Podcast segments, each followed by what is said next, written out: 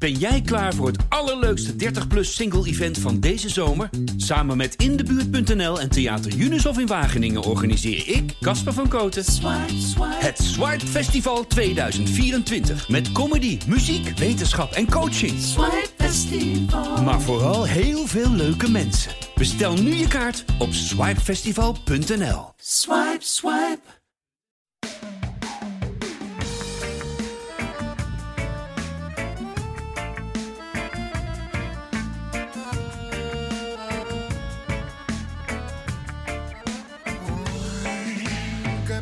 Gedaan, maar ook zo fout gedaan. Als ik terugkijk in de tijd, een lach met tranen, zo voel ik me vandaag. Zondag 23 januari kan de boeken in als de dag waarop Ajax de koppositie in de Eredivisie heroverde. Die ze sinds de nederlaag tegen AZ op 12 december heel even kwijt waren. PSV Ajax werd eerder dit seizoen voor de Johan Cruijffschaal 0-4 voor PSV en in de competitie 5-0 voor Ajax. Maar beide keren was het krachtsverschil veel minder groot dan die uitslagen deden vermoeden. En dit keer was het verschil ook klein in de score. 1-2 voor Ajax. Welkom bij Brani. Welkom vanuit de Johan Cruijffzaal op de redactie van het Parool. Eh, we gaan het hebben over eh, PSV Ajax vooral. En over andere dingen die ter tafel komen. Ik begroet Thijs Zwageman van Ajax Showtime. Ik begroet Dick Sintony van het Parool. Ja, hallo. The morning after. PSV Ajax. Thijs, heb je genoten? Ja, uiteindelijk natuurlijk wel. En eh, van een goal van Masraoui, alle ophef die eromheen ontstaat, dat is, eh, dat is natuurlijk wel genieten als het ook in het voordeel van een Ajax. Ja, waar heb je het over? Ja, Balletje wel niet. eh. nee, dus, eh, dus dat wel. En uiteindelijk ook wel van, van het spel van Ajax, die toch na een moeizaam begin wel steeds meer de, ja, de momenten tussen de linies vonden met passing, met bijvoorbeeld Masraoui of Blind. tegen een heel compact verdedigend PSV natuurlijk. Ja, en als je dan gewoon weer de koploper bent na zo'n wedstrijd, dan dan geniet je daar zeker van. Waarom wint Ajax uiteindelijk deze topper, Dick? Ehm, Wat is het kerngegeven? Nou ja, omdat ze toch eh, het betere team hebben. ja. Ja, toch? Ja, het Ja. Is, eh, ja, Ja, ik, ja. ik protesteer Ik, ik kan er, niks, nee, ik kan er niet, ni- ni- niks anders van maken. En eh, het was een... nou, laten we even in de, in de, in de huid kruipen van, van de trainer van PSV dan in dit geval. Ook al is dit een Ajax-podcast. Ja, goed, hij, hij bedenkt een, een tactiek om Ajax af te stoppen. En die, die werkte volgens mij. Ze hebben in de winterstop de beste paser, eh, de aanvallende paser van de Eredivisie gekocht, denk ik. Joey Veerman. De beste aanvallende basis van Ja, de denk ik wel. Ja, die, Ja. legt ze echt neer eh, wa- waar hij ze, waar die ze hebben wil. Ja. Ja, en dan stelt die trainer niet Vertessen op. De snelste speler eh, in aanvallend opzicht. Ja, ik, ik kan er geen... Dat is altijd bij hem. Ik kan er geen touw aan vastknopen. Weet je, er zit altijd een... Er zit, in wat hij bedenkt en wat hij doet, zit altijd ergens een hiaat. Dus ja, goed. Het, eh, juist tegen Blind ook dat de uitgelezen Ja. man zou zijn natuurlijk. ja, ik, Ja, eh, Met snelheid. Maar goed, dat was de tactiek. En die, die, eh, die werkte eerst voor een klein deel. Hè, hoewel Brobby eh, op, eh, op een half been toch nog, eh, toch nog scoorde. ja, en, en, en eh, na rust eh, kruipt PSV iets meer uit zijn schulp. Nou ja, goed, geven ze, Ajax geeft dat, cadeau, dat- doelpunt eigenlijk cadeau. Al, al vond ik dat Timber maakte een fout, maar er was eigenlijk nog niet zoveel aan de hand. Hoor. Er stonden nogal genoeg mensen achter de bal. Daar hadden ze nog best wel op kunnen lossen. Maar goed, die goal valt. Ja, en dan is Ajax toch ja, beter in staat om, om, om goede, goede aanvallen eh, eh, op te bouwen en, en neer te zetten. Ja. En- Vervolgvraag kan dan zijn: waarom liep het in de eerste helft niet? Want we hebben een, een eh, ik, ik zag de samenvatting op Ajax NL staan en op eh, de site van de Eredivisie. Die begint geloof ik eh, na een kwartier een keer, want dat eerste kwartier Ja, gebeurt nee. echt helemaal niks, hè? Klopt, en dat heeft natuurlijk alles, of nou ja, voor een groot deel te maken met de tactiek die PSV koos. En dat ja, het verbaast me wel dat ze zo ver eh, teruggetrokken speelden eigenlijk. En je zag heel duidelijk dat Ajax gewoon eh, moeite daarmee had om, om de oplossingen te vinden. En je, ja, Ten Hag ook voor de wedstrijd gaf hij ook gewoon eerlijk toe dat hij niet helemaal wist hoe PSV zou gaan spelen. Bijvoorbeeld waar Guts op het veld zou staan. Ja, dan weet je dat je een openingsfase nodig gaat hebben om toch even te analyseren van waar liggen de ruimtes, hoe staat het. En uiteindelijk zag je dat eh, door eigenlijk blind eh, iets verder uit te zakken, Masraoui in het middenveld te laten komen, ook een paar keer Timber iets voor de verdediging eigenlijk te zetten, dat je daarmee verwarring stichtte achter de aanval van PSV. En dan kreeg je dus ja, tussen het middenveld en de aanval van PSV, daar kreeg je een zone Waarin Ajax eigenlijk de vrije mensen kon vinden. En toen Ja. kwamen er wel wat, Het eh al- wat goede aanvallen natuurlijk ja. uit. Het, het allermooiste van, eh, van dit Ajax is dat ze eh, door de jaren heen natuurlijk gewoon aan, het, aan, dat, aan die speelwijze aan het slijpen zijn. En dat ze nu vier, vijf verschillende manieren hebben ook om, Ja. eh, om op te bouwen. Hè. Dus, dus ze kijken even de kat uit de boom. Hè. Wat doet een tegenstander? Spelen ze met twee spitsen, met één? Storen ze hier, zetten ze daar druk, zetten ze daar druk. En dan zie je heel snel schakelen. En de ene keer is het Gravenberg die meer de bal komt halen. En, en dan speelt uh, Masrui juist weer wat meer teruggetrokken. En dan de andere keer zetten ze Alvarez juist eh, wat meer tussen de twee centralen in. Ja. En speelt die weer wat dieper. Berghuis iets meer Ja, weet je, en, ja. en dat, dat, of dat dan de backs zijn, of de centrale, of de middenvelders, meer diep of meer terug. Ja, dat vind ik wel. Ja, daar kun je echt zien dat Ajax, eh, en daar had ik het net over, het betere team is. Daar wordt al langer aan gebouwd en met een goed idee. En ze hebben gewoon verschillende manieren om dingen op te lossen. In En tactisch rijp, tactisch volwassen. Ja, en die Ja, spelers ja, kunnen, spelers kunnen dat die dat lezen Ja. en, Ja. en herkennen. Ja, Je zag ook Ten Hag voor de wedstrijd bij de microfoon staan van, eh, van ESPN. En eh, die gaf inderdaad eigenlijk toe dat hij niet precies wist wat PSV Ja, ging ja. doen. Maar die zei ook heel rustig, eh, dat kunnen mijn spelers wel invullen. Ja, Als ze dat ja. en dat hebben we ook wel eens. Je, je leest wel eens eh, eh, commentaren van, eh, van supporters eh, eh, over dat Ajax niet genoeg voetbal heeft op het middenveld. Maar ook dat hebben we wel eens vaker gezegd. Dat soms de backs ook gewoon juist de middenvelders zijn. Die spelen dan ook echt daar. Hè? Dus, en ja, je kan alles zeggen wat je wil. Maar niet dat Massaoui en Deli Blind niet kunnen voetballen. Ik bedoel, ja, daar zit echt heel veel voetbalvermogen Mhm. in, juist. Noussair Mazraoui. Misschien wel de uitblinker van de dag. Daar komen we zo meteen natuurlijk op. Ehm, eh, eerst even die, die, die saaie eh, eerste helft. Eigenlijk de enige ballen die we toen zagen op de goal... waren een schot van Veerman... dat makkelijk gevangen werd door Pasveer. Tamelijk gemakkelijk in de 25e minuut. Een vrije trap van Berghuis... die volgens mij door niemand werd aangeraakt... Nee, en nee. tegen de onderkant van de lat. Ja. Net Keeper, hoor. keeper met Ja, met licht, twee ja. vingertoppen. Maar Met dat geen- was wel het verschil, denk Het ik. was, eh, tussen precies onderkant lat erin. Maar geen Ajax ziet zat eraan. Mhm. geen, eh, geen spits. En dan heb je natuurlijk die corner die werd doorgekopt door Obispo. En eh, waar Boskakli heel dichtbij een, een doelpunt was. Maar toen stond Ajax al voor met 0-1. Ja. Eh, die, eh, eh, die goal van Brobby, eh, die krijgt een kleun van, ik dacht ook Obispo, Obispo, Bos, ja, Bostimee, Eh, wat was dat voor moment, Thijs? Ja, het was, een, het was een moment, een beetje een bal die ertussen inviel natuurlijk. En eh Brobbey die hem dan wil beschermen, eigenlijk in die bal wil komen. En Obispo die er gewoon vol opklapt, wel fair, want hij speelde ook gewoon de bal. Ja, Maar ja, wel heel hard natuurlijk. En het was gelukkig achteraf bleek ook dat het alleen maar dus de pijn was, die tik echt op de knie. Dus geen eh, kruisbandblessure of andere ergere schade. Want ja, dat, zo zag het er misschien nog wel uit. Je zag Brobbey het echt eh, uitkermen van de pijn natuurlijk. ja. Maar als je dan ziet, eh, ja eerlijk na die goal, ik schoot eigenlijk gewoon in de lach. Als je Brobbey vanaf de middencirkel ongeveer strompelend Ja. die 16 binnen ziet komen. En vrij matig verdedigd natuurlijk ook tussen Mauro en Obispo, waar die dan net achter viel. Maar wel heerlijke voorzet van Tadic, die hem ook echt, echt chipt Ja. eigenlijk. Dus zonder hem echt... Vaak zie je bij spelers die krullen hem voor, een beetje binnenkant vreef. En zijn specialiteit is eigenlijk om met heel veel gevoel gewoon met een boogballetje in te brengen. Maar En, dachten eh, die PSV'ers nou, die kan niks meer, laat maar lopen? Of wat, wat, Hij leek wel wat uit het oog verloren inderdaad. Ja. ja. Ja, maar ik, ik kan me niet aan de indruk onttrekken dat, dat ze dit vaker overkomt bij PSV. Wat dat betreft is het ook gewoon niet, eh, niet echt heel erg goed. In verdedigend opzicht. niet zo solide? Ik vind het de zwakste, de zwakste linie van, eh, van PSV. Ja, ja. En, eh en ja, ik, ik, ik moet het even afwachten hoor. Want hij heeft, ehm, hij heeft natuurlijk echt een paar waanzinnige bovenbenen. Dus, het, dus dat is zo sterk dat ik ook echt hoop dat er niet meer schade is aan die knieën. Want het zou nog best kunnen dat, dat die power in die bovenbenen nog eh, ervoor zorgt dat, eh, dat hij eh, daar minder last van heeft. Of dat hij in ieder geval nog wel stabiel op zijn poten blijft staan. Maar ehm, ja, ik...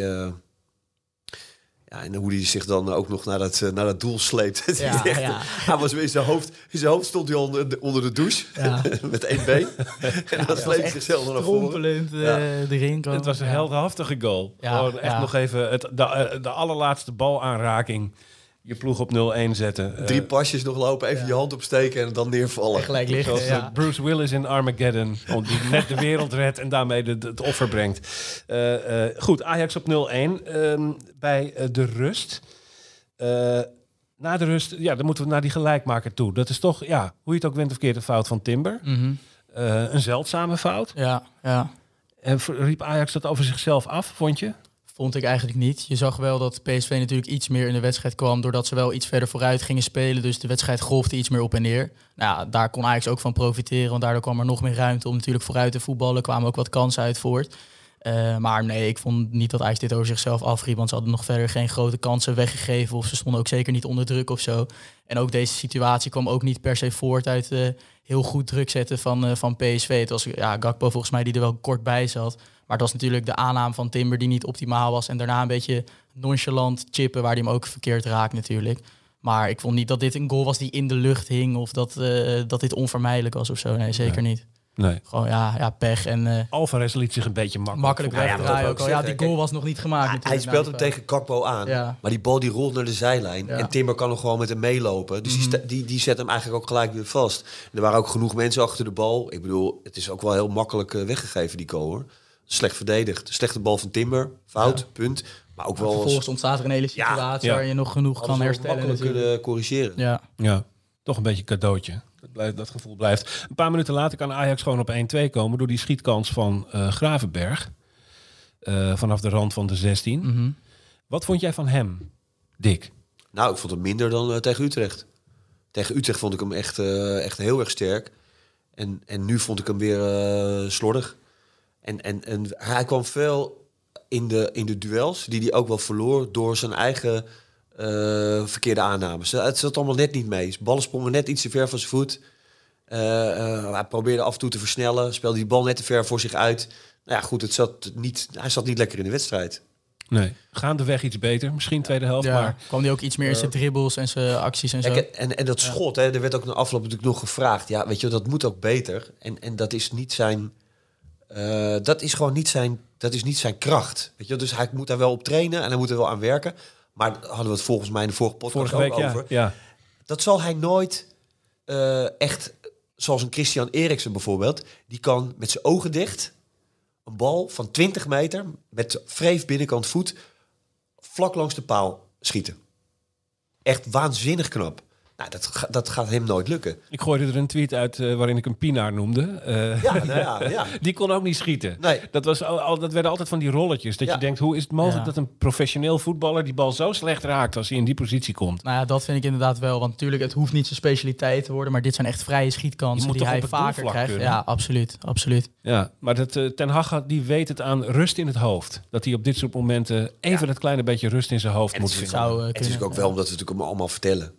Weet je, dat wordt het echt keer op keer Ja. benadrukt. Ja, jij scoort Ja. niet, hè? Nee, je kan niet scoren, hè? Jij kan niet schieten, hè? Nou, En dan dat lacht hij en dan zegt maar hij- Het zit natuurlijk wel in je hoofd. Ja. Ja, ja. En, eh, maar goed, weet je, wel, zijn, zijn, zijn rol in het veld zal altijd meer in de voorfase liggen. En, Ja, en ja, daar, eh, verbinden natuurlijk. tegen Utrecht deed hij dat echt, echt waanzinnig. En, eh, en nu was het eh, ja, weer minder. ja. Hij werd ook gewisseld. Twee minuten later, dikke kans voor Steven Berghuis. Die een beetje zo half over de bal heen maaide Ja, in ja. vrije positie. Die speelde wel goed. Heel goed, dat vond ik. En eh, ik vind hem sowieso ook lekker uit de winterstop gekomen. Want hij zat natuurlijk een paar weken voor de winter ook niet heel lekker in. Nadat hij eigenlijk heel goed was gestart bij Ajax in het begin van de groepsfase Champions League. Echt eh, heel hoog niveau gehaald. En nu zie je dat hij eigenlijk nog meer vrijheid heeft gekregen. Misschien dat Ten Hag ook heeft gekeken naar toch die creativiteit vanuit het middenveld. Hoe Ajax tegen compacte verdedigingen daar toch iets meer kan doen. En dan lijkt het erop dat Berghuis toch meer ruimte heeft gekregen om, om bijvoorbeeld helemaal rechts uit te zakken. Of ook als een soort nummer 6 echt de bal op te komen halen. En dan, eh, ja, je hebt eigenlijk een totaal ander type speler nu dan vorig jaar de rechtsbuiten bij Feyenoord. Maar het is wel eh, een manier van spelen die mij heel erg kan bekoren. En ook, je ziet dat Ajax er gewoon heel veel profijt van heeft. Want hij kan wel met binnenkant vreef een bal ook van rechts helemaal verleggen naar Tadic. En dat zijn geen moeilijke, complexe, lange ballen. Maar gewoon ballen over de grond eh, met veel snelheid en vaart erachter. Waarmee je gewoon het spel kan verplaatsen. En dat is een kwaliteit die hij bezit natuurlijk met zijn inzicht en zijn traptechniek. Hij moet wel oppassen. Als het zo doorgaat, staat hij over twee maanden op doel. Ja, steeds verder naar achter. Ja, ja, ja. ja, Nee, maar hij komt echt als een, hij komt echt als een aanvaller er binnen, rechtsbuiten, wat je zegt. En, eh, en eh, dan tien. Ja, En nou wordt hij spelverdeler. Ja. Pierlo. Andrea Berghuis. Ja, nou, wie, zijn. ja, wie weet ligt daar nog een, een toekomst voor hem. Ja, dat doet hij wel. hè. Die, die paas ook vorige week, of tegen Feyenoord was dat al. Hè. Die paas op, eh op Tadic, waar de goal uitkwam. Ja. En nu doet hij dat ook eh, Ja, tegen Utrecht echt een al. kenmerk te worden nu van Nu hem. ook, weet je wel. Die, Ja. die snelheid en zeker met, eh, met Tadic, die, die dan goed het moment kiest om, om diep te gaan. En bij die kans van Berghuis won ook Tadic een kopduel in het eh strafschopgebied van PSV. Wat ook wel iets zegt dan over de defensieve kracht van PSV. Ja. Als Tadic al kopduels gaat winnen. Ja, ja. Hè? Ja, en, en Berghuis zo vrij staat. Mhm. Eh, in, de, in dat doelgebied eigenlijk, volgens mij binnen het 5 meter gebied Ja, ongeveer. ja. Dat, is zijn, dat zijn wonderlijke momenten. Ehm, eh, we gaan naar de 1-2 dan. Hè? Of nou, laten we het eerst eens hebben over die man die dan eh, voor, voor Robbie erin komt. en, en mee hobbelt, mag je wel zeggen, Danilo. Ja. Toch, ja, ja, ja, ja. Nou Thijs, ja, Thijs. meehobbelen daar, dat is veel zeggen. Haal de trekker over, Ja, zoals Ten Hag ja. dat dan formuleert. Maar nee, maar eh, ja, probleemgeval, toch? Ja, ja, kijk, je, hij maakt natuurlijk in de KNVB-beker vier goals tegen de amateurs. Dan, nou ja, dat, ik denk dat dat Ten Hag ook wel helpt in zijn keuze om bijvoorbeeld hem te brengen toen eh Brobbey uitviel. Maar het is natuurlijk een feit dat er een totaal ander type staat dan een Haller of een Brobbey die echt als aanspeelpunt kunnen fungeren. En dat is ook de grootste reden dat Danilo een beetje op de nominatie staat om te vertrekken. Of dat hij eigenlijk nooit echt kan bekoren als hij moet Ja, opdraven. Want een ander hij- type is prima, maar laten, ik ben er eerlijk gezegd helemaal nog niet uit wat voor type die is. Nee, nou ja, het is heel erg iemand die loert natuurlijk op die, op die kansen achter de verdediging. En je ziet zo vaak dat als Ajax aan het combineren is of ja, aan het bouwen is aan een aanval, is hij gewoon onbereikbaar. Hij staat eigenlijk elke keer tussen beide centrale verdedigers. Maar dan ook zijn loopactie naar achter de verdediging komt dan eigenlijk ook te laat. Dan is hij onbereikbaar. Hij laat zich ook niet dan uitzakken. Dus dat, is- dat is gewoon heel, heel lastig. Eh, en daarbij natuurlijk dan eh, als hij zijn goal maakt. Want hij krijgt echt een enorme kans eh, op die counter die Tadic en hij samen eigenlijk goed in uitspelen. de eindfase, ja. Ja, en als, als je hem dan maakt, ja, dat is waarvoor hij er staat. En dat is één, twee momentjes per wedstrijd waar hij dan op loert, denk ik. Eh, want in ja, type spits is Danilo natuurlijk niet echt eh, iets dat Ajax zoekt. Ehm, en ja, dat, dat maakt het combineren en het aanvallen ook wel een stuk lastiger als je daar een aanspeelpunt mist. Want dat is wel iets waar de speelwijze op afgestemd is natuurlijk. En dat ontbreekt gewoon als hij daar staat. Ten Hag is dan heel vriendelijk over hem. Die zegt eh, dan dat hij de beste finisher in de box is. En dat soort, dat soort uitspraken. Maar het geloof is Ja, er niet, tegen hè? Excelsior Maasluis eh klopt dat. ja. Tegen Barendrecht. Ook als een mes was hij toen. Ja. ja. Ehm, maar eh, eh, de man mag weg, denk ik, hè? Ja, die, eh, die mag wel weg. Ja. Die, Sebastian Haller komt natuurlijk zo meteen terug. Dan heb je Bobby. Ja, dan is er volgens mij geen enkele reden om hem nog eh, in Amsterdam te houden. En pff, zou dat de komende weken nog in zitten? Ja, je hoort wel wat eh, geruchten natuurlijk. En hij heeft nog een half jaar contract ook. Dus als Ajax iets eh, nog aan wil overhouden, dan zou het wel nu moeten gebeuren. Ja. Nou ja, ik denk eh, dat ze ook bewust dit hebben afgewacht. Hè. Bedoel, ja, je weet tot je- Haller terugkomt. Ja, Ja, dus, eh, logisch. en, en, en ook weer toch wel weer goed eh, bedacht. Want je ziet het, Bobby valt uit. En ik gisteren na een minuut of na een kwartiertje, twintig minuten of zo, eh, eh, greep Blind ook aan zijn been. Die had een tikkie erop gekregen. ja, al heel snel. Ja, Ja, en toen ja. dacht ik ook van, eh, weet Ja. je wel, ja, toen komt Taje Vico, hè, die, eh, die met zijn met zijn hoofd misschien ook wel bij een eh, transfer is, die graag zou willen. Maar ja, dat, eh, dat kun je gewoon als Ajax eigenlijk niet eh, veroorloven. Ja. We moeten naar dat heerlijke moment in minuut 74. We zien de aanval komen over links. Die bal die blijft heel duidelijk binnen. En vervolgens schiet eh eh Nusra Mazraoui hem schitterend in. Ehm, nou ja, hè? Ja, daar heb je het al. Dick, jij zat op de perstribune met een zekere blik op, het, op de zijlijn misschien. Ja, die bal was echt niet uit. Nee joh, ik vind dat zo, het is zo ingewikkeld. Weet je, de mensen die, die, die heel hard roepen van, ja, je ziet toch dat die bal uit is. Ja, Ja. dat- ja je kan, ik kan er niks tegen inbrengen. Je ziet het niet. Maar je ziet het niet. Je, je, moet er echt, je zou er echt boven moeten hangen, net zoals met die doellijntechnologie. Maar even als, je, als zo'n moment zich voordoet, wat denk jij dan als journalist? Hoe groot ga je dat maken? Wat moet je daarmee? Nou, de, de, de, de, er valt een, eh, de 2-1 uit, ik geloof 16 minuten voor tijd. Ja. Ja, dat is wel groot. Dat, dat is wel een ding. Dan weet je ook dat, dat dat wel een beslissend moment kan zijn. ja, maar hoe groot maak je in het verhaal van dat doelpunt die bal op de zijlijn? Hoe schrijf je dat op? Hoe heb je het opgeschreven eigenlijk? Nou, ik, ik, het is natuurlijk wel ook een beetje onder tijdsdruk. En het is natuurlijk ook iets wat na die wedstrijd bij alle betrokkenen nog ook heel erg leeft. Hè? Dus niet alleen bij PSV, maar ook wel bij Ajax. Hè? Ondanks dat zij er eh, natuurlijk alleen maar profijt van, eh, van hebben in dit geval. Maar het is wel bij iedereen eh, een dingetje. En, en ik denk dat blind ook, je ziet het ook aan, het, aan de, op het moment dat Masroui die bal maakt, wordt iedereen helemaal gek van vreugde. Ja. En blind zie je een beetje aan de zijkant, ja, die, die durft ook nog niet eens goed te juichen. Omdat hij zelf natuurlijk ook twijfel had over die, of die bal wel of niet eh, eh, eh, over die lijn is geweest. Dus ja, ik, ik, ik vind wel terecht dat daar eh, over wordt gesproken. Alleen, ja, als je het afzet tegen eh, het verloop van die aanval...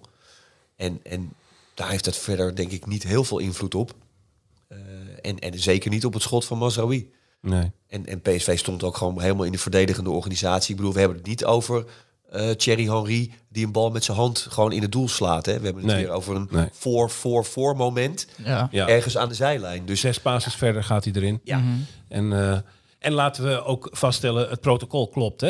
Nou ja, Grens- grensrechter moet kijken, die ziet het niet en laat dus doorspelen. Dat is wat je op zo'n moment Ja, en moet hij doen. zei maar al... dat is ook eh, zo grappig. Misschien heeft die grensrechter het wel gezien. Ja, want dat zei Makkeli nog na afloop. Dat hij tijdens die aanval al in zijn oortje kreeg van die grensrechter. Hij is binnen. Hij is binnen. ja. Dus die grensrechter heeft gewoon duidelijk geconstateerd hij Ja. is binnen. Ja, precies. En het was ook niet van bij twijfel niet vlaggen of zo. Die grensrechter heeft tegen hem gezegd hij is binnen. Grensrechter laat terecht doorgaan. Beelden gaan naar de VAR. Ja. Die gaat kijken. En als die het niet zeker weet, laat hij de genomen beslissing staan. Dat is volgens protocol. Ja. Zo, Ja. Toch door, Eh. met die eh, Real Madrid-wedstrijd wedstrijd waarin het ook gebeurde. Hè? Had je ook, daar zag je ook dat die bal, ja, weet je wel, vanaf een camera-standpunt en zo, ja, die bal is Mhm. echt een heel stuk over de lijn. En toen hadden ze later zo'n reconstructie dat ze Ja. dat zo gemonteerd hadden dat, dat, dat, dat echt loodrecht bovenop die bal. eh Zo'n ijzeren ja, Rines-technologie zo'n was dat. en eh, toen zag ja. je dat die bal inderdaad gewoon nog voor een best wel flink deel nog op die lijn Ja. lag. Ja. Ik bedoel, dat kan in dit geval ook gewoon gebeurd zijn. Dus Het hoeft maar een vloeipapier raakvlakje aan de loodlijn Ja, te zijn. ja. En, en eh, het spel ging terecht eh, door. Nou ja, en het was natuurlijk een vrij lang VAR-moment. En ik wist ook wel van hoe langer dat duurde, hoe meer je eigenlijk weet dat ze het niet met 100% zekerheid kunnen constateren. Ja, dus en dan, dan dan weet je weet je al dat hij eigenlijk ga- gaat tellen, inderdaad. Schitterend om te zien hoe, hoe eh, fel Berghuis reageerde Ja, toen hij werd ja. goedgekeurd. En hoe die ook stond te schreeuwen toen uiteindelijk het laatste fluitsignaal klonk. Heerlijk. Die, die Ja, Berghuis ja, die zit er helemaal in. hè? Ja, ja, ja, zeker. ook hè trouwens. Geef die cup maar gelijk aan Ajax. lekker, lekker te schreeuwen. Ja. Nou, je kaart het volgende bruggetje weer hè, van Dick. Daar is Ja, ik hij kom goed wel- in. ik Ja, doe hij de bouwt wel. De ja. man van de bruggetjes. We moeten naar Schmid, want die, die, die, techni- die tactiek van PSV, je had het er net al even over. Opvallend is dat PSV in de 87ste minuut eens een keer met drie aanvallers in één keer komt. Noem ze even Bruma, Vinicius en Vertessen. eh wie Vertessen natuurlijk. Eh, eigenlijk ging pas toen de rem eraf. Mhm. En eh, eigenlijk alleen in die, in die lange, lange blessuretijd van uiteindelijk op de kop af 10 minuten... eh, was PSV echt met de gedachte alleen maar voorin. Eh, roep je, is, is Nee, dat zij, zij zijn loon van de angst toch ook? Ik heb geschreven, PSV begon in deze wedstrijd om de koppositie te verdedigen. Ja. Ja. Niet om hem te verstevigen. Ze, wilden niet, ze wilden niet verliezen van Ajax. En impliciet eh, heeft, A- heeft PSV zich neergelegd bij het feit dat Ajax beter is. Ja. Dus vanuit die gedachte beginnen ze aan deze wedstrijd. Ja, goed, en dat is, dat is, dat is A. ehm, le- levert dat dan een schouwspel op zoals de eerste helft? Waarin eigenlijk niks gebeurt. Geneutraliseerd. En B. Is het ook moeilijk en lastig om dan weer dat om te draaien. Weet je, om dan, om dan toch weer een, een, andere, een ander vuur of een andere dynamiek in die wedstrijd eh, te krijgen. Ja. Ja, ik, eh, ik was het heel erg eens met Raffel van der Vaart zat bij Studio Voetbal. Ik was het heel erg met hem eens. Ja, weet je wel, ga voetballen. Ja. Je staat Ja. voor, je bent koploper. Je speelt in je eigen huis, zonder publiek, maar dat maakt eigenlijk niet zo heel veel uit. Kan een beetje verschil maken, maar ja, ga aanvallen. Het is natuurlijk als, als Ajax is het een beetje eh, aanmatigend gesnoef misschien. Maar je denkt toch ook een beetje... Je gunt PSV ook een positievere trainer, toch? Die, een man die gewoon wat meer durft te laten zien wat zijn ploeg kan. Die dat volgasvoetbal durft te spelen. En die dan op zijn minst in de 74ste minuut meteen naar dat doelpunt durft te zeggen. En nu gewoon voor Fabank. Ja. Ehm, want het was zo... Het, ja, ik zou ervan balen als Ja. Ajax op deze manier zo bescheten voor de dag komt. En het is niet voor het eerst. Mhm. In 2019 eigenlijk die wedstrijd die, die toen beslissend was voor de titel, dat kantelmoment, kregen ze eigenlijk ook het loon van de angst. Eh, en eh, ja, dat is, dat is. En vorig jaar ook een beetje in feite, met die, die late strafschoppen. Ja, ja. De ploeg durft niet. Nee, nee, en je kan je enigszins nog inleven in ja, dan de personele problemen die ze hebben. Dus met wat blessures en dan geen echte spits beschikbaar. Maar ja, eh, wat ik net aangeeft, één wijziging. Als je bijvoorbeeld Vertessen voor Doan al zou doen, dan neem je al veel meer aanvallend initiatief. En eh, dat kan al een groot verschil maken om er wel af en toe gewoon een Ja. keer uit te komen. Dan ga je uit van waar bij Ajax achterin de kwetsbare plekken liggen. En dan, dat deden ze nu niet. Kijk je ook vanuit aanvallend opzicht. En daarbij denk ik ook wel van dat het zonder publiek toch wel wat verschil heeft gemaakt. Want als je zag hoe Ajax eigenlijk 10 minuten lang, de eerste 10 minuten begint met gewoon balbezit achterin, vraag ik me af of dat in een vol stadion ook geaccepteerd zou zijn. Ondanks dat eh PSV'ers dan misschien ook meer weten dat ze vanuit de reactie moeten gaan komen, denk Ja. ik toch niet dat dat heel erg op prijs was gesteld. Zoals Ajax nu zo makkelijk dat, dat balbezit kon houden eigenlijk. Dus ja, dat had misschien ook nog wel een verschil kunnen maken. Nou, en daarbij toen PSV dus wel na die tegengoal iets meer eraf ging. Toen zag je dat het een eh, veel openere wedstrijd werd. Waarin zij ook wel wat Ja. kansjes kregen. Of in ieder geval mogelijkheden tot uitbreken. En dat was daarvoor dat- totaal niet aan de orde. Dus Mooi ook dat die Smit riep, geef, geef die cup maar aan Ajax. ja, Hij ja. weet niet eens dat het een schaal is. Dat kan hij ook niet weten. Nee, heeft het nog niet Dat gezien. kan hij ook niet weten. Nee, maar ook veel, veel zeggen dat dat natuurlijk je eerste reactie is na, na zo'n Ja, moment. Zo klein, dat, dat vond, Ja. ik, dat vond ik Ja. echt... Nou ja, goed, en dat is misschien wel. eh, eh, typeert dat ook wel een beetje zijn, eh, zijn, zijn, eh, zijn manier van, van optreden als, eh, als trainer. En de, de keuzes die hij maakt en hoe hij, eh, hoe hij daarin staat. Het is vanuit, eh, vanuit, een, eh, ja, vanuit een defensieve, Ja, beschermend. beschermende Ja. gedachte.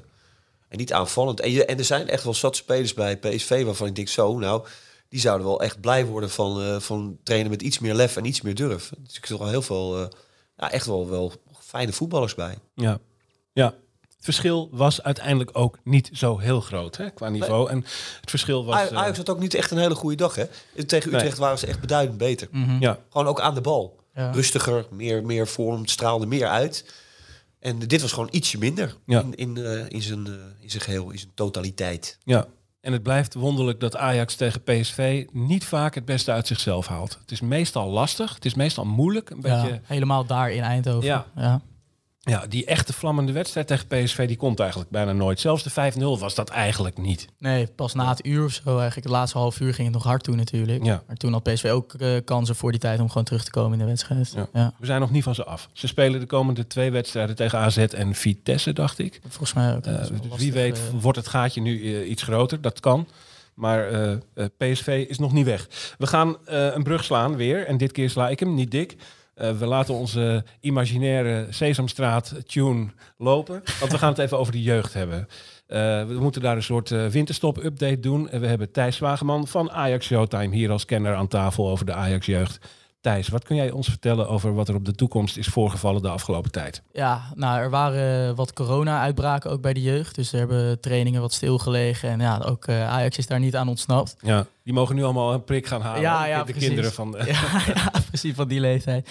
Nee, maar dat, eh, dat komt allemaal weer op gang. En als het goed is, heb je natuurlijk morgen de persconferentie vanuit de overheid. Dat ook sportwedstrijden weer toegestaan zullen worden. Dus dan kan ook eh, de competitie weer snel hervat worden. Dus dat is heel mooi, denk ik. Ja, klemmend beroep van de KNVB om per, Ja. per 5 februari, wat is het? Ja, volgens mij inderdaad dat, eh, dat weekend inderdaad. Ja. Eh, nou, en verder heb je vanuit eh, onder 18 wel twee spelers die na de winterstop de stap voorlopig naar Jong Ajax hebben gemaakt. Olivier Aartsen, verdediger.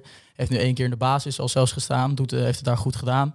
Eh, en Jaden Banel, een aanvaller die eh, ook bij onder 18 goed heeft gespeeld. Wel bijvoorbeeld nog altijd zonder contract zit.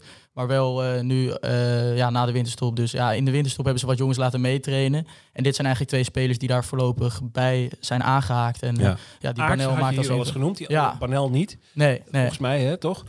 Wat Nee, is dat is, voor type? Dat is eh, niet per se ook een van de grootste talenten uit zijn lichting, maar wel een hele, hele nuttige aanvaller. Eigenlijk is meer een buitenspeler, maar kan ook eh, als spits uit de voeten.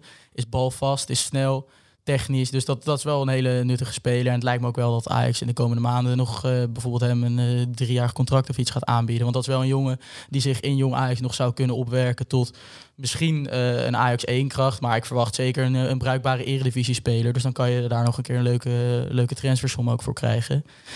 En dan is er ook nog wat te doen om Prins Anning, die hier ook al een keer natuurlijk besproken Ja. is. Maar daar is ja, concrete interesse van Borussia Dortmund voor gekomen. Ehm, en dat is wel eh, toch een beetje een klemmende situatie, omdat ja, hij ook nog geen contract heeft bij Ajax en dus ja, vrij is om te gaan en staan waar hij wil. Het is een jongen die dit jaar ook 18 wordt, dus het is wel ja, ook eh, andere jongens zijn al vanaf hun 16e bijvoorbeeld gecontracteerd. En dit is ja, een jeugdinternational speler die al vanaf de F1 voor Ajax speelt, dan niet. Ja, een jongen die in de Youth League ook heel veel eh, en grote indruk heeft gemaakt. Ook Bayern en RB Leipzig hebben daardoor interesse in hem. Vanuit Engeland is top. interesse. Ja, Ja. Dus eh, ja, die heeft zichzelf op de kaart gezet. En, eh, Wat is dat met Dortmund, hè? Die kunnen ons op het veld niet aan. nee, en, En, dan dus pakken ze ons, eh, dus Ja, plunderen ze de toekomst. Vorig jaar met. Rijkhoff. Ja, En dan nu Prins Anning weer, tenminste, de, Ja. althans. Hè, Ja, Dat- ja het- natuurlijk gewoon in meer landen. Hè. Zij, zij halen natuurlijk best wel overal ja grote hele allround scouting. Ja, ja, ja. En die, die krijgen ook wel eh, hun kansen. Ook, ook in het doorbreken en in het eerste Mhm. elftal eh, van, van Dortmund. Dus Ja. ze hebben het daar... Ja, ik sprak toen die, die zaakwaarnemer van, eh, van Rijkoff nog daarover. Ja, het is allemaal eh, picobello in orde. Ja. Nou ja, en het grote voordeel is natuurlijk inderdaad net... eh, Dortmund is ook een springplank naar de daadwerkelijke wereldtop. Dus zij zitten daar net onder. En dan, dan krijg je dus... eh, Maar wat zou kan je de daar reden kunnen zijn eh, dat, eh, dat Ajax eh, nog niet een, een, een contract eh, over heeft voor zo'n jongen? Zou, dat- zou, Ja. dat, zou dat ook nog, eh, zou dat ook nog een, een, een, een Ja. kunnen hebben? Of, Ja, of- ja, denk ik wel. Ik heb daar ook een stuk over geschreven van eh, ja, eigenlijk die situatie geanalyseerd van hoe is dat mogelijk. En ik denk toch dat Ajax een bepaalde inschatting heeft gemaakt dat bijvoorbeeld eh, Anning, maar ook Julian Brandes en de net genoemde Panel, dat zij die niet in de categorie absolute toptalenten als bijvoorbeeld van Axel Dongen en eh Mise Hoy, dat soort jongens die wel vanaf hun 16 al een contract hebben gekregen, dat daar dus de inschatting is gemaakt dat zij daar net onder zitten. En dan ziet Ajax het ook zo dat ja, die jongens eigenlijk ook dankbaar moeten zijn dat zij voor Ajax spelen. En Ajax niet per se dankbaar moeten zijn dat, zij, eh, eh, dat de jongens in de opleiding zitten. Ja. Ehm, en, maar wat wel dan denk ik een kritisch punt is, als je die jongen dan in de Youth League zo ziet opbloeien en helemaal dit seizoen echt, eh, hij was dus altijd al jeugd international en was gewoon een hele stabiele, goede linksback.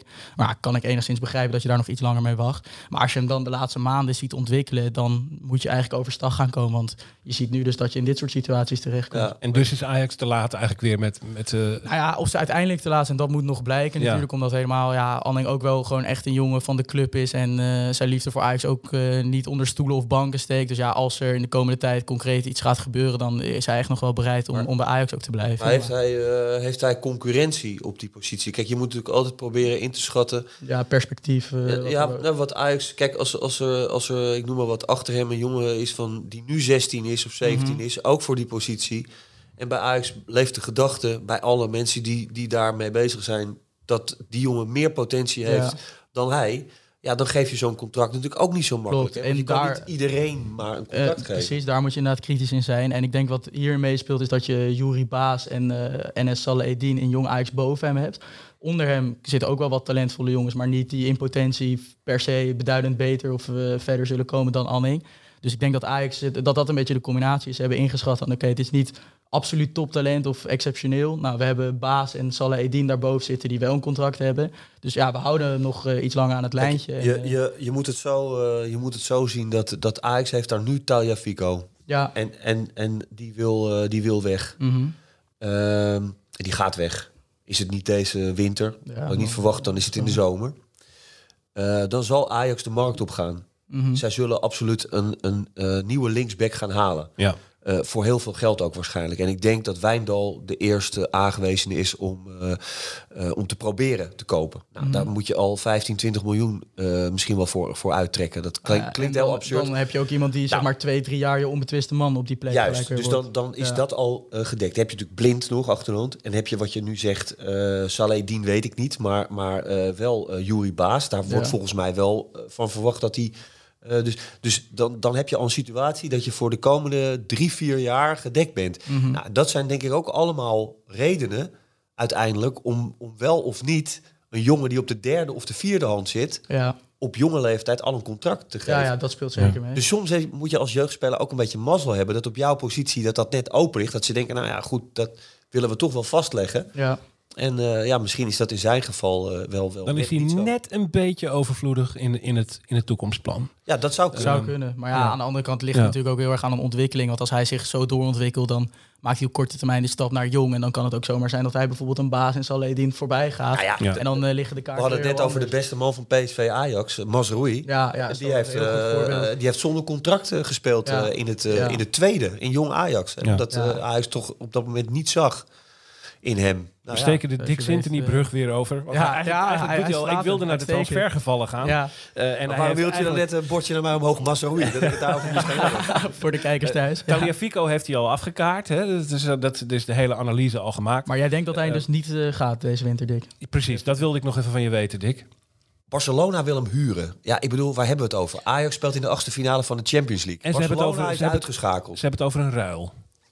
Ja, ik, ik, da- daar begint Ajax niet aan. Lijkt me ook niet, toch? En ik vind het, ik vind het, ik vind het heel erg eh, eh, vervelend voor Taya Vico, persoonlijk. Mhm. Want je gunt hem het beste. Ja. Maar ik kan me ook voorstellen dat Ajax niet zomaar overal aan meewerkt. Ik bedoel, ja, het- die, die, belangen ook te groot voor. En Ja, als je er dan zo weinig voor terugkrijgt, inderdaad. ja. En het goede klinkt mooi. Barcelona, schitterende club. Maar ja, Ajax is op dit moment gewoon eh, even wat verder dan Barcelona. Ja, ik, ik, het is raar dat ik het zo zeg, maar het is zo. Ja, Die knippen doen we- gewoon- Ja. Ja, die, die voor de aflevering is ook bekend. Die knippen we uit. Ja. Dan kan, je kan je toch niet zomaar zeggen tegen, tegen de speler die misschien nog heel belangrijk gaat worden. Een Argentijnse international. Nee joh, ga maar voor een huurtje. Dat is prima, ga maar lekker daar Ja. ballen. Bovendien, als we met één ding slechte ervaring hebben, dan is het met die tweedehands autootjes van eh, Barcelona. Hè? Ja, ja, dat die die en de. Cuencaatjes en eh, dat soort Ja. dingen. Goed, kijk, als, als Ajax ook één ding eh, eh, heeft gerealiseerd in de afgelopen jaren, is dat ze dat wat dat betreft ook het stuur in handen hebben. Ja. Ja, het, het enige is, is dat, je, dat je ervoor moet zorgen dat Tajevico wel bij de les blijft. En dat, is, en dat is lastig, want hij is wel echt... ah, Ja, natuurlijk, dat snap je ook. Die wil. Ja. Mhm. Hij speelt Ja. niet bij Ajax. Op zijn En, leeftijd. en hij kan eventueel naar Barcelona. Ja. Ja. Nou ja, dan hoef je niet... eh, En dan is was niet zo Napoli, moeilijk? Napoli werd nog genoemd, maar dat was ineens... Die wilde ook huren Ja, volgens maar het, er is ook, Ja. geen, er is ook gewoon geen, geen geld in die markt. Weet je? Het is Nee. al überhaupt een godspe dat de Barcelona, wat op de rand van, eh, van, van, van bijna fa- failliet, nog, nog gaat proberen om spelers daar binnen te, te hengelen. En zelfs Goed. ook geld heeft uitgegeven. Tagliafico eh, blijft bij Ajax, denkt Dick Sintony. We houden hem eraan. Eh, en eh, dan hebben we nog even Mazraoui. Daar kunnen we het laten bij een vaststelling. Die zegt eigenlijk voor het eerst nu na een wedstrijd... ik teken waarschijnlijk niet bij. Ja. Kans is 5% of minder, zei hij geloof Ja, ik of zoiets. ja. Nou, dat waarvan akte, zou ik bijna zeggen. We moeten nog eventjes de naam noemen die nog niet genoemd is. En dat is Mohamed Ihataren. As we speak hier op maandagochtend bij het Parool in de Johan Cruijffzaal... is dat nog niet rond. Eh, het lijkt erop dat dat rond zou kunnen komen. Maar de vraag is, wat vinden we daarvan en wat moeten we ermee? Thijs Wageman van Ajax Showtime. Ja, ik denk dat het heel erg eh, een project van Ten Hag kan gaan worden. En eh, je hoort nu de verhalen over huren met optie tot koop. En dan misschien een half jaar huren, anderhalf jaar huren. Ja, dat zou denk ik een hele goede deal voor Ajax zijn. Omdat je dan eigenlijk ja, weinig fout mee kan doen natuurlijk. Je kan van dichtbij zien hoe hij eh, aan zijn fitheid werkt. En ook eh, de mentaliteit die hij bijvoorbeeld in een groep brengt. En ook als hij, eh, het zal natuurlijk lang gaan duren voordat hij dan echt in wedstrijdverband kan gaan komen. Nou ja, dan kan je ook gelijk zien hoe hij daar mentaal op reageert en of hij dat geduld kan opbrengen. Plus dat Ten Hag hem van dichtbij aan het werk kan zien en ook kan inschatten van is dit een jongen die voor problemen gaat zorgen, zoals hij dat natuurlijk bij PSV en in Italië ja, heel Dan is hij erg. gauw genoeg weg. Ja, dat lijkt me ook. Ja, ja. Maar Dick Ehm. zag, jij ziet problemen, Dick. Nou ja, probleem. Ja. Ik, ik, ik, ik zou niet weten waarom je het je als club op je hals wil, eh, wil halen.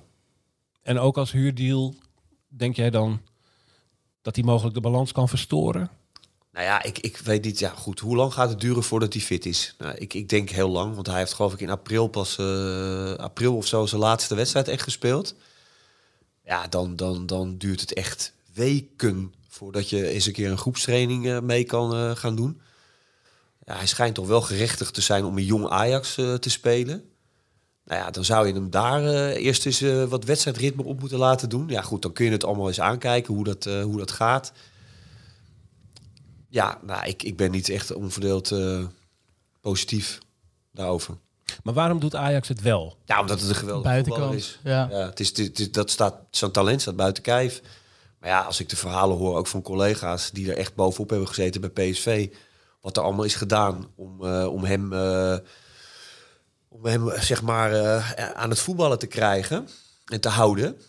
En, en, en, en betrokken en, en, en goede proffen van hem te maken. Ja, dat is, dat is heel veel geweest. En het heeft gewoon helemaal niks opgeleverd. Dus ja, ik. en, en als je, ja, dat, waar we het ook wel een beetje over gehad hebben, is waar moet hij dan, weet je waar moet hij spelen? Wat, wat is nou zijn Ja. positie en hoe speelt Ajax en zo? Ja, ik zie het wel, ik zie wel echt wel talent. Ik vind het ook een geweldige voetballer, maar ik kan het niet zo goed plaatsen in eh, ja, een buitenkantje. Dat, dat Ja. is het een Het beetje. is een beetje de overmarsdoctrine in dit soort gevallen ook wel. Hè? Goede voetballer, gewoon doen. Ja, ja. en dan, eh, als hij goed is, vindt hij zijn plek wel. En misschien En- pakt het eh, fantastisch uit hoor, dat kan ja, ook. Dat- ja, en ik denk ook wel wat eigenwijsheid van Ten Hag is weer in deze. Dat hij toch denkt van ik ga hem wel aan het voetballen krijgen. En dat misschien een beetje die overtuiging van Overmars inderdaad wat je zegt.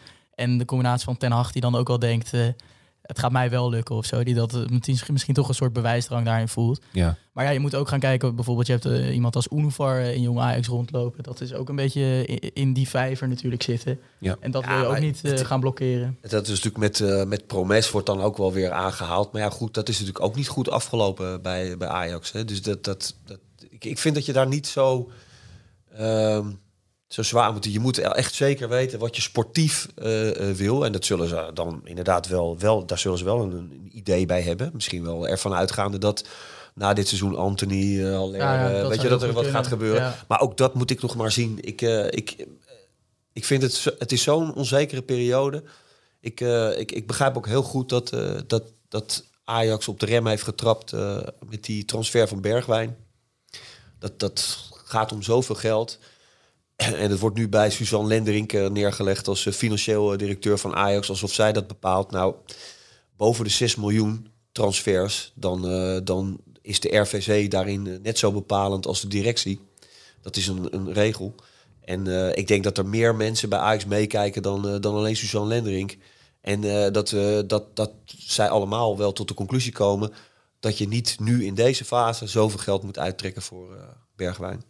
Eén ding is in elk geval zeker. Ajax heeft met 1-2 gewonnen bij PSV. heeft de koppositie terug. En de bal was binnen. Eh, dat zijn de zekerheden in het leven. Ik ga jullie danken voor je komst, Thijs. Zwageman graag van Ajax. Showtime. Dank je wel voor het komen naar de Johan Cruijffzaal. Dick Sintony, dank voor de komst naar, het Johan, naar de Johan Cruijffzaal. Eh, volgend weekend is het eh eh, Interlandweek. Dan is er geen Ajax-wedstrijd. Maar er is op maandag wel een Brani. Dan hebben we een speciale gast voor je. Eh, dus we raden je zeer aan om dan wederom te luisteren. Dank voor het luisteren naar Brani, de podcast. En tot volgende week.